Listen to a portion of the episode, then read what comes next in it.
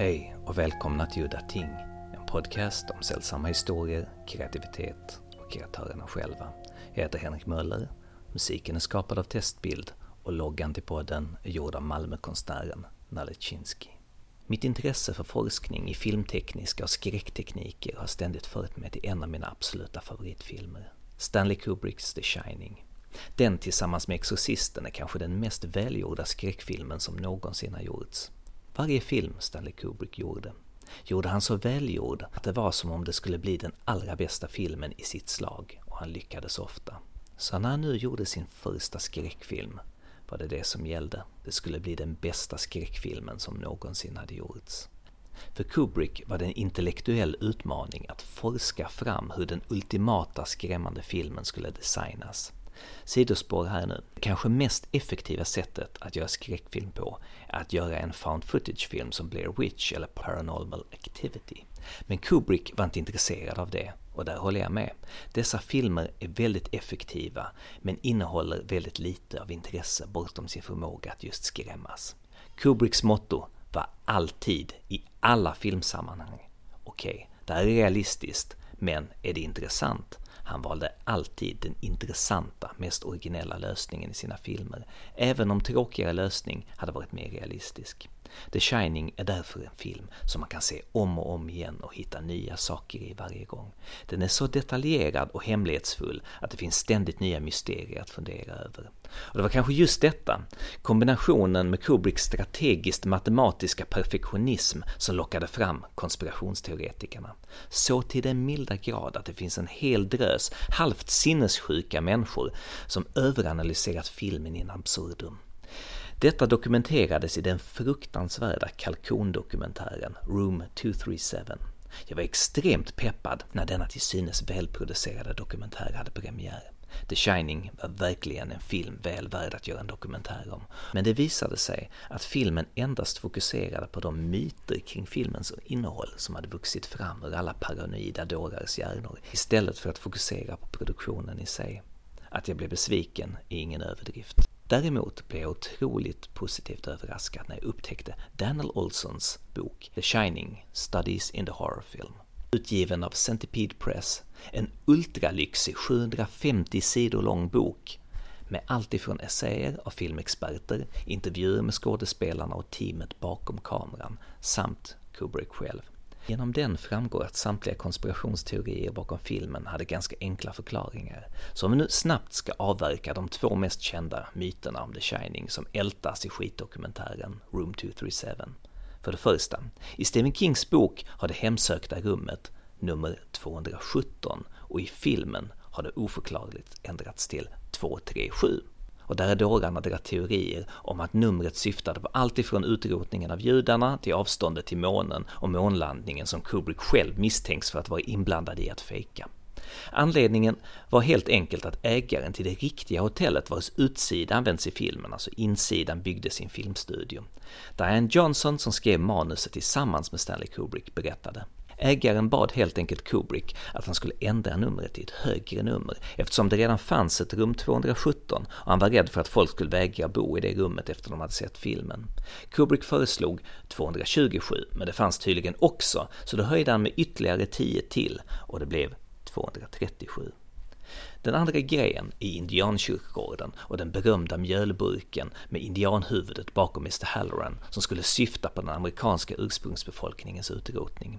Det här var ingen välbevarad hemlighet, utan det kommer direkt från Stephen Kings bok och det finns flera indiandekorationer och gamla foton på 1800-tals järnvägsbygge över väggarna som härleder till just den tiden och detta ämne.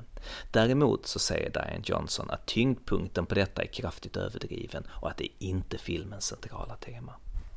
Personen jag helst skulle vilja intervjua, förutom Kubrick själv då, som numera är död, var författaren till manuset, Diane Johnson. Diane Johnson är en amerikansk romanförfattare som numera är bosatt i Paris.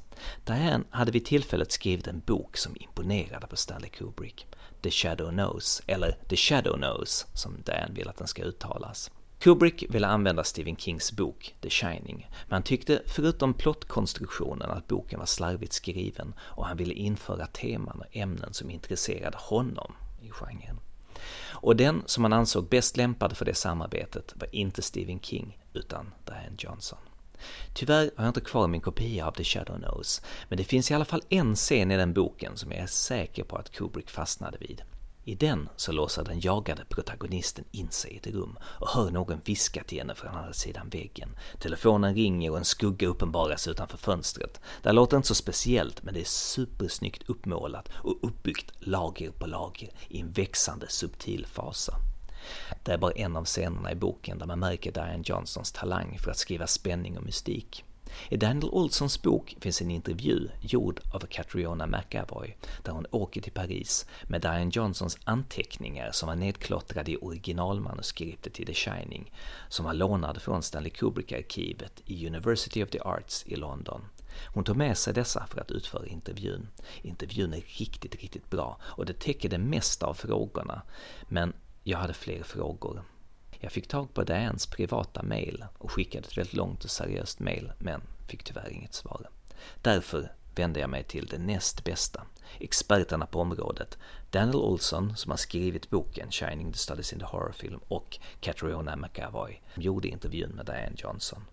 Catriona har även, kan man säga, doktorerat i Stanley Kubrick. I have one thing that I'm curious about. The theme of ice is an ongoing one in Kubrick's films A Clockwork Orange, Full Metal Jacket, and also in The Shining. Diane Johnson says in an interview that one of the things that she and Kubrick talked about was why ice was scary. But they also talked about Freud's essay, The Uncanny, Unheimlich in German. And according to that, the loss of eyes is equal to castration and the whole Oedipus complex thing, which I find kind of old fashioned today and not very interesting. So, was it about that, or was it another type of discussion about what makes eyes scary? Their entire approach was very intertextual. And I think that they, um, in discussion with Diane and looking through the archives, it seems that they created a framework um, for the film that was based around the concepts of um, the uncanny and Bruno Bettelheim's The Uses of Enchantment, the Unheimlich. I mean, and that is a big part of um, Freud's essay on the uncanny. The um, there's the story about the Dollmaker, uh, the boy who has the phobia about his eyes being plucked out and you know so that's one of the main i think there's sort of three stories i think uh, if i can remember rightly um, uh, that he goes into in, in, his discussion of the uncanny the literal translation of um, unheimlich um, unhomely you know mm. so obviously the home um, a hotel is kind of a unhomely place so you're already starting in a place that feels familiar but yet is uncanny is not quite comfortable. Um, and I think that that really the use of the uncanny was to create that sense, and actually in a very Lovecraft sort of way, isn't it? To create a sense of things not quite being being not quite right. That's funny. Kubrick actually quotes Lovecraft, and I quote Kubrick here. I read an essay by the great master H.P. Lovecraft where he said that you should never attempt to explain what happens as long as what happens stimulate people's imagination, their sense of the uncanny, their sense of anxiety and fear, and as long as it doesn't within itself have any obvious inner contradictions, it's just a matter of, as it were, building on the imagination. Working in this area of feeling, I think also that the ingeniousness of a story like this is something which the audience ultimately enjoys. They obviously wonder as the story goes on what's going to happen. And there's a great satisfaction when it's all over and not having been able to anticipate the major development of the story, and yet, at the story's end, to feel that you have not been fooled or swindled. He was trying to get right to the core of our fear by drawing on psychoanalysis. Daniel Olson. Of course, in The Uncanny, what Freud talks about in that short essay, he gets very interested in eyes and loss of eyes, non recognition of our own eyes when we look in a mirror. And he talks about, of course, that that story, The Sandman, and the issue of plucking out eyes. in the in the next book that I have coming out, the, the short works, the short stories, criticism, essays, and introductions of Patrick McGrath. It's called Writing Madness, named after his essay of being the son of the longest serving medical superintendent at Broadmoor Lunatic Asylum in London, near London, west of London. Uh, in this book, he talks about eyes as well. He talks about a case in the asylum of a woman who had managed to, one of the patients at Broadmoor Lunatic Asylum, which is still in business, it's called Broadmoor Hospital now, which houses some people who've committed violence and are also mentally disturbed. He mentions a case as a kid that he remembers acutely, and it deals with eyes. And I can sew it up to my idea. He says a woman at Broadmoor manages to steal a spoon that night from supper, takes a spoon. They discover her in the morning. She's not making any sound, but the staff come into her room and they see blood at the edge of her sheets, the top edge of her sheet. They pull the sheets down. There she is. She's alive, but in the night she has scooped out her eyes with that spoon, this schizophrenic woman. And Nobody hears it in the night. And this is what Patrick McGrath meditates on in his essay the power of the mind to hold in or hide suffering, to commit an act like that, but also not to scream, not to cry, not to yell out. The eyes are always connected with recognition, one of our, our foremost senses of taking in material, the loss of the eyes is what we experience in many a weird story, horror story, haunted story, or ghost story. This and that is this dread. I no longer have my senses to guide me. I'm in a strange and unaccountable place, and I can't tell what's coming at me next. To me, that is the most interesting aspect of, of the eyes rather than, as you mentioned, you know, as Freud dwells on, and as maybe the world is somewhat tired of, um, the idea of castration and so on. I'm more interested in, in it as that primal loss of our best sense. What is to guide me now if I can't see? Now, in a book like The Shining, uh, what's really fascinating is when you look in characters' eyes and you, you they seem vacant. There's a magic moment where Shelley Duvall, as Mrs. Torrance, Wendy Torrance, looks at her son, and of course, you know, you see the little finger come out, and um, Tony tells her that, you know, Danny isn't here anymore, and the blankness in Danny's eyes is dazzling. The intensity in Torrance's eye, Mr. Torrance's eyes, Jack Torrance's eyes, as the as the movie goes on, that sense of I'm on a mission and it's bringing me pleasure in executing it. Look at his eyes after he kills uh, Scatman Crothers with that axe. Uh, there's a kind of intoxication. Look at his eyes, for instance, when he meets with the naked woman in the tub, Lia Beldam, that actress who we interview. Uh, our, our man, Justin Bozung, tracked this wonderful lady down. She's amazing. And got a good interview with her and Jack's eyes, Nicholson, you know, this with these magic eyebrows, this absolute sense of lovely seduction in the eyes, and then ghastly surprise as he looks in the mirror. The, eyes as both revealing horror and and also projecting horror when the eyes are blank or the eyes are what you say canine focused wolf-like, going after the victims, and somebody sees that. Uh, Wendy sees that. I think that's why the eyes are so important for those two reasons. One, you lose them, and how will you get out of this nightmare? How will you survive? How can you deal with what with the monsters that be? And and two, that sense that you see a family member in this haunted hotel, snowbound, and they're not who they were anymore. And the eyes are the quickest sense, the quickest uh, beacon. That's the lighthouse that's telling you right off. Well, Kubrick creates the uncanny with the eyes by having Jack Torrance look into or just above the camera lens for a long, long take without blinking. It's a subtle way to bring an uncanny sense to us. Show us an actor who doesn't blink in 30 seconds, 45 seconds, 50 seconds, and we are unconsciously picking up something's very abnormal here. That person that person isn't like you or me anymore. He's he's somewhere else now. My research into the film has been almost wholly about Kubrick and Diane Johnson, what they talked about when they were researching and writing the script. What books and themes were discussed? And apparently it was Kubrick's interest in ESP and the effect and use of fairy tales.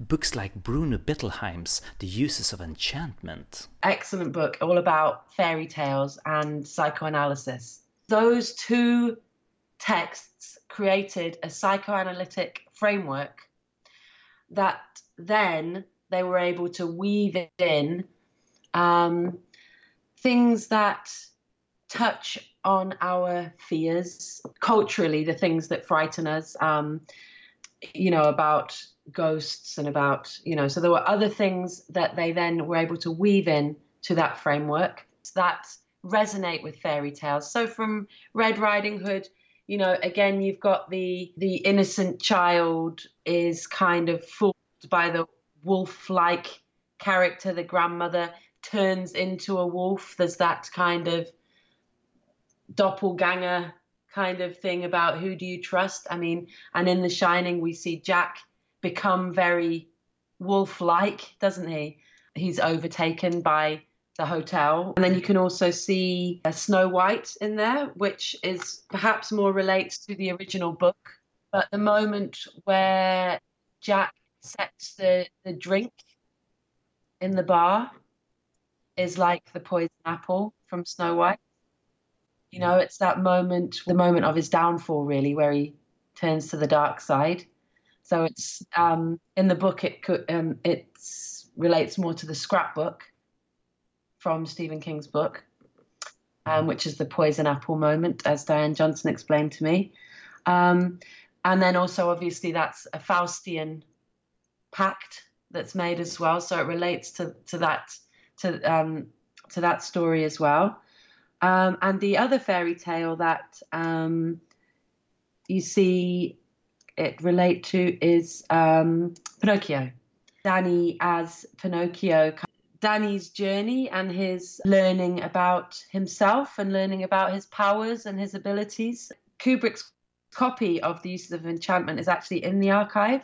So you can um, see in the archive, you can actually see passages that he's underlined and bits that particularly interested him.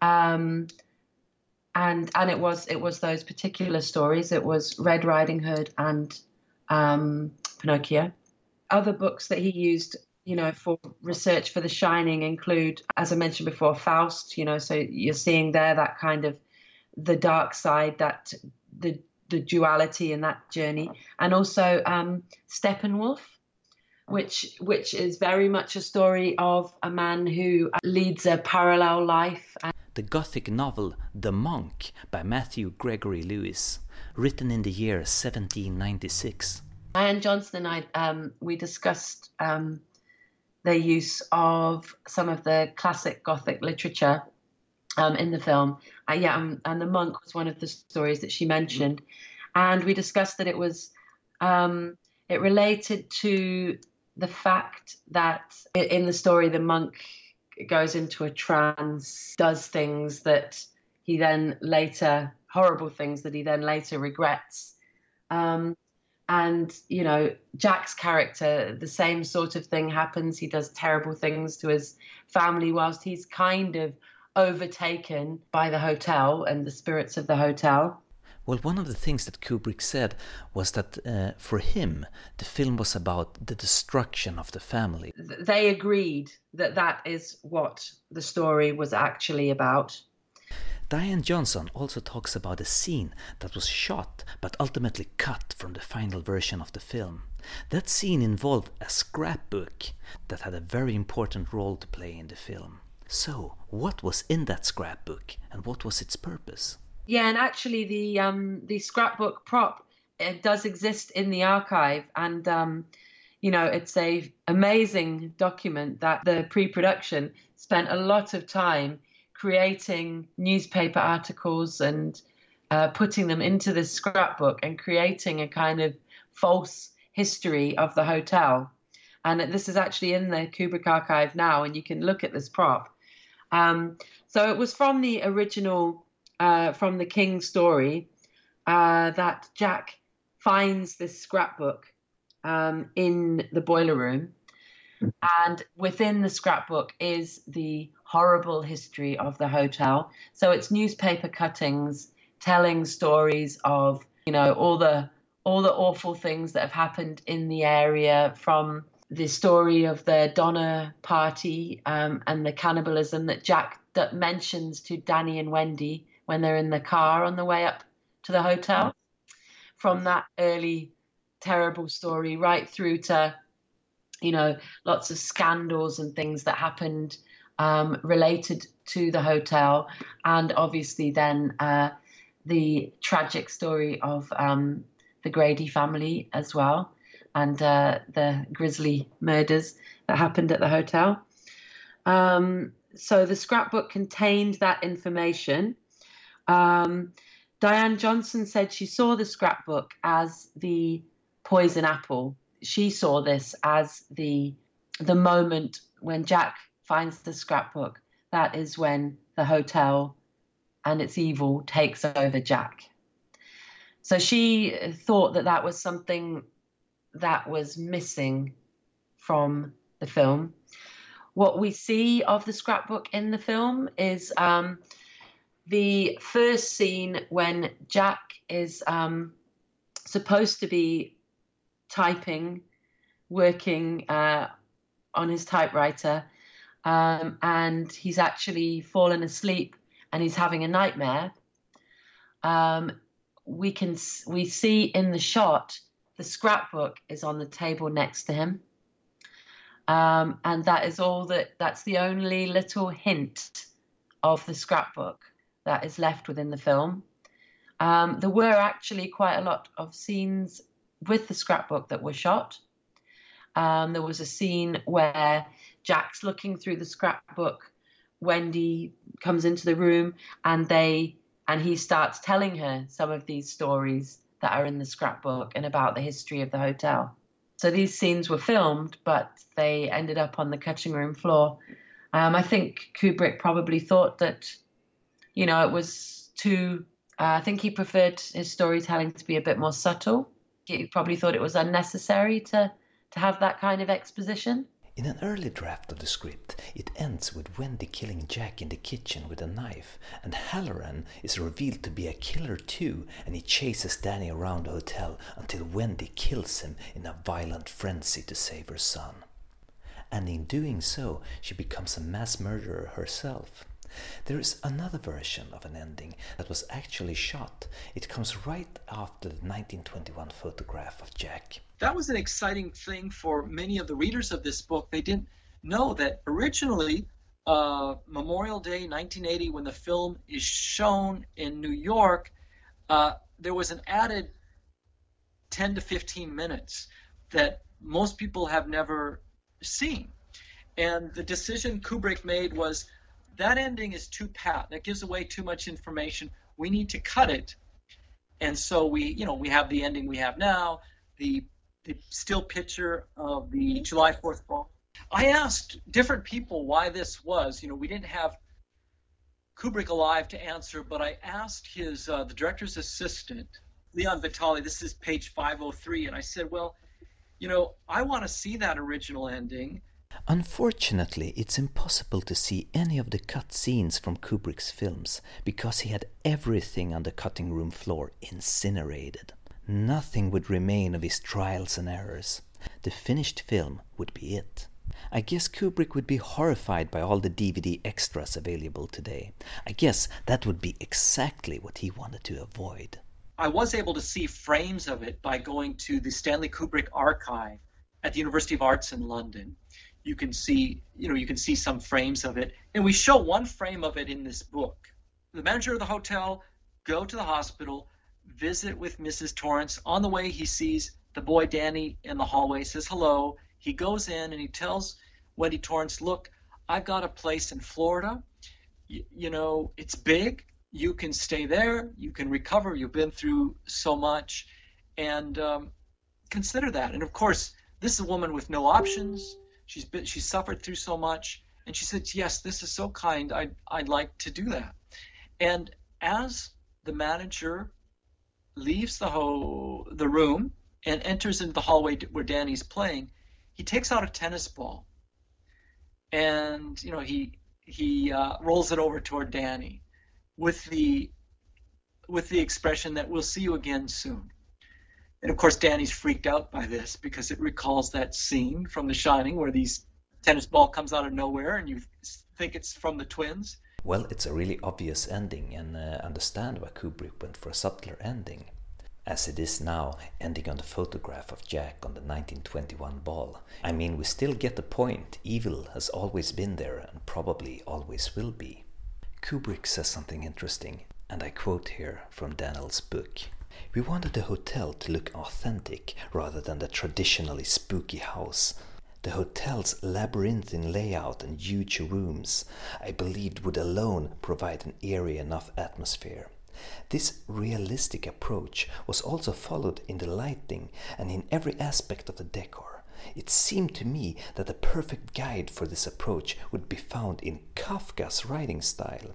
His stories are fantastic and allegorical, but his writing is simple, straightforward, almost journalistic.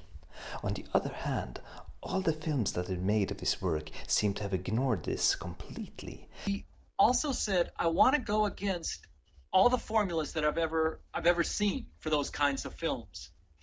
And this is where I think his genius is. He fights formula, he fights the tradition, he gives what's unprecedented, and yet he's successful at it. For instance, we can look at The Shining. It's a it's a non-typical horror movie. It doesn't have the rising arc that most horror, horror movies have. It's it's a haunted hotel, but this hotel is not decrepit. It's not falling apart is it's not dark all the time. Most many horror movies up to this point take place much of the time in darkness. So our sense of sight is really limited. Our number one sense just can't be depended on. And this film instead, Kubrick told his lighting people, I want X thousand lights streaming into these windows. I want it bright, like you get at your um, latitudes when you go way up north to Sweden uh, in the wintertime, there's this kind of, when the sun does come out, this kind of blinding brightness that we won't get down in, in Texas, you know, in these high northern latitudes. I want that. Now, that was almost unseen in a horror movie that it would be lit up much of the time, bright as can be. You remember the, the scullery or the kitchen scenes in The Shining, how bright they are, and that um, the lobby scenes and then the uh, type, typing room can be very bright at times that was very unusual. And there he was, pushing it, you know, going right in into the opposite of what a horror movie is. That the ghost could come out in daytime, that you could be having these sorts of encounters in the brightest of light is had to be shocking to audiences for the first time. And Kubrick also says in an interview that all the accounts of people seeing ghosts, the ghosts have been described as being as solid and realistic as someone just standing there in the room, unlike the classic horror movie cliche of the see through ghost. So, Kubrick's film was naturally lit, and the ghosts appear as solid as any human being in bright lit rooms or daylight. Along with this technique, this is probably the first film where the Steadicam was employed throughout much of the film. There were there were a couple ex- exceptions. It was done in Rocky by the same camera operator, Garrett Brown, who I interview in the book, and it was done in Marathon Man a little bit.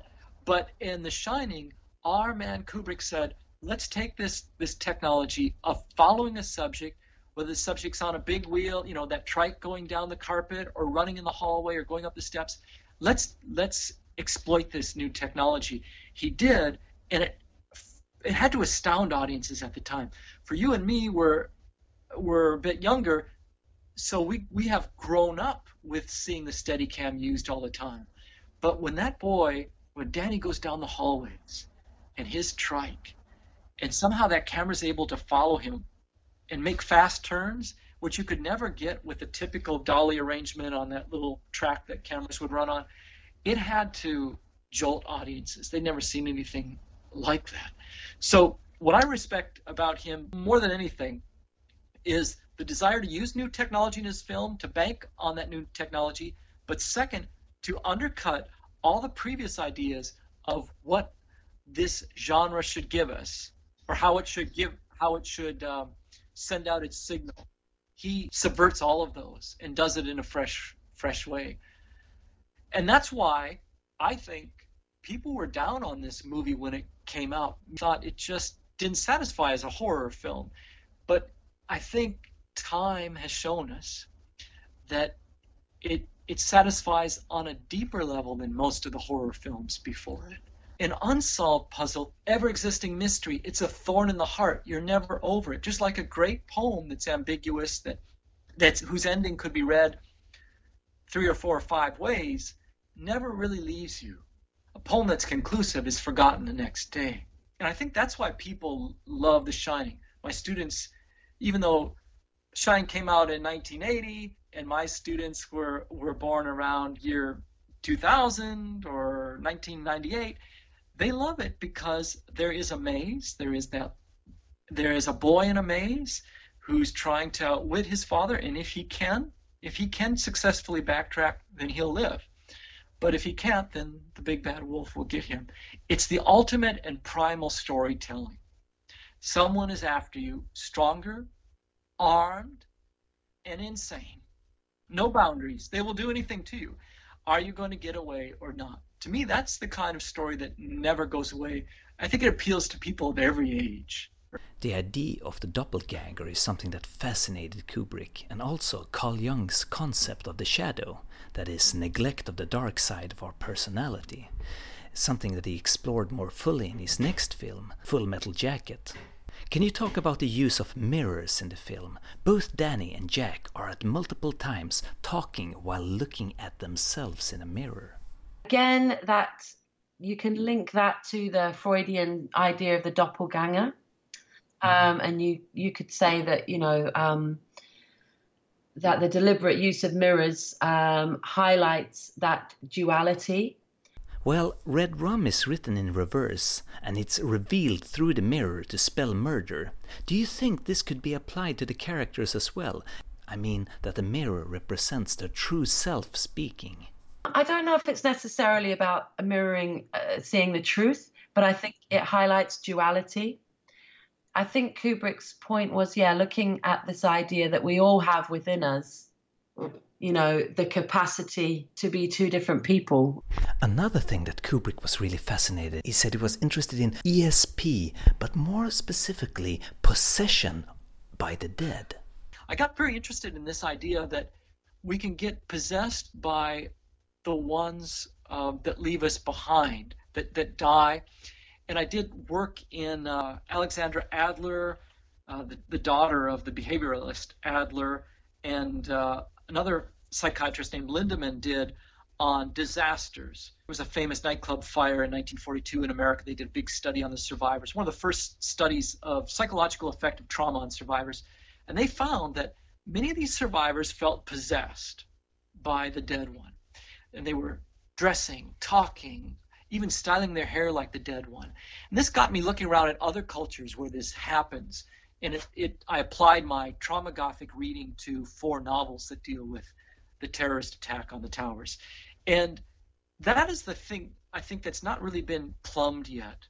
Uh, we haven't gotten to the depths with The Shining and that whole idea of where is this communication coming to Jack from? That's one of the eeriest parts of the book. Grady, you know, he meets Grady in the bathroom, of course, but he tells Grady, "No, you're the caretaker." Grady tells him, "No, no, You've always been the caretaker here. To me, that's the most fascinating part of the film. How somebody starts becoming convinced that I'm not who I am anymore, I'm somebody else. Because it shows you how slippery personality is, how tentative a thing is a persona. how how fragile and breakable it is and how we could become someone else. I think writers love becoming for a while someone else, and so do actors, and so do directors. They love to shed the burden of who we are and take the burden of someone else for a while, even if it's a killer. At least it's somebody else, right? take me away from the boredom of, being, boredom of being myself. What interested you when you started researching this film?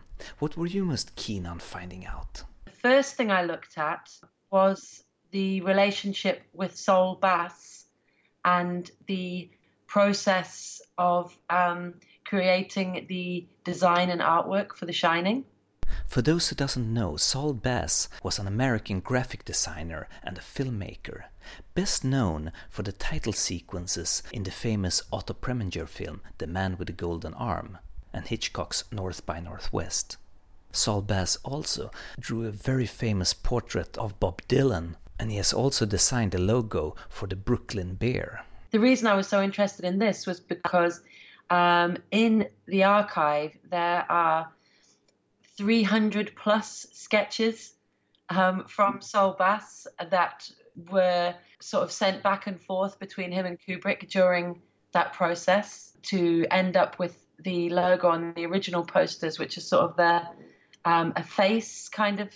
Um, and so that was that was one of the first things that I found really really interesting. Whilst Kubrick was still working on the script with Diane Johnson, he was already thinking about the marketing and distribution even you know, in the very early stages of pre-production. It was a good job that he did because it took them right up until, you know, a couple of years till the film was finished, till they actually um, were happy with with um, what he'd sent through. So um, he wanted the emphasis to be on. There's one letter that points out that this is a film of terror and the supernatural. Kubrick says to um, Bass in a letter. Um, and uh, after he'd received sort of what maybe 200 drawings, he uh, Kubrick sent a letter to Saul Bass saying, "I really like the designs. None of them are quite right. What happened to that first one you showed me back in London?" So after he'd done, you know, like 200 drawings, he still wanted to go back to the the first one that he'd shown him. So I think the idea was always quite strongly in Kubrick's mind the impact that he wanted to have with with the film and with the marketing. Uh, it was just that he wanted to exhaust all of the options um, before he made a decision. Did you ask any of the interview subjects that worked on the film about the conspiracy theories that were circling around? We asked some of the cast and crew about the theories, you know, the five or six conspiracies of the day, and all of them said, no, it's absolutely not about that. Finally, Let's have Kubrick's own view on the meaning of the film from one of the few taped interviews he made with French Michel Ciment. The sound quality is unfortunately terrible, so listen carefully. Reason doesn't help you. You're in an area where, as I say, it's more like music, you know, than rational thought. You know, there are areas where uh, where rationality can take you up to the border, and from there on, it's poetical or musical or imaginative. I think with this type of story, if you try to be verbally analytical, it becomes slightly ridiculous. Either you make too much of it, or you uh, reduce it to some sort of ultra clear absurdity. And I think the musical or poetic sort of manipulation of the material is the most important thing. So, Kubrick's point as it was way back with his film 2001 that although in the making of it he attacked the film from an intellectual perspective, the finished film was always meant to evoke an emotional response in the viewer like a piece of music. I think I made too much out of my analysis and why certain themes were applied, like the fairy tale aspect. The way I understand it, they used aspects of the fairy tale to the point that people would subconsciously feel that there was something familiar about the story and events that unfolded in the film. The good thing about reading Danel Olson's book and talking to him and Catriona has been that I've finally killed all the questions I had about the hidden meanings of the film and Kubrick's intention. My conclusion is that even though Kubrick was a notorious perfectionist, I had overestimated him and his intentions. But it felt good. It felt good that my curiosity was satisfied. Och med de orden var det slut för den här gången. Jag heter Henrik Möller och musiken är skriven av Testbild. Hej då.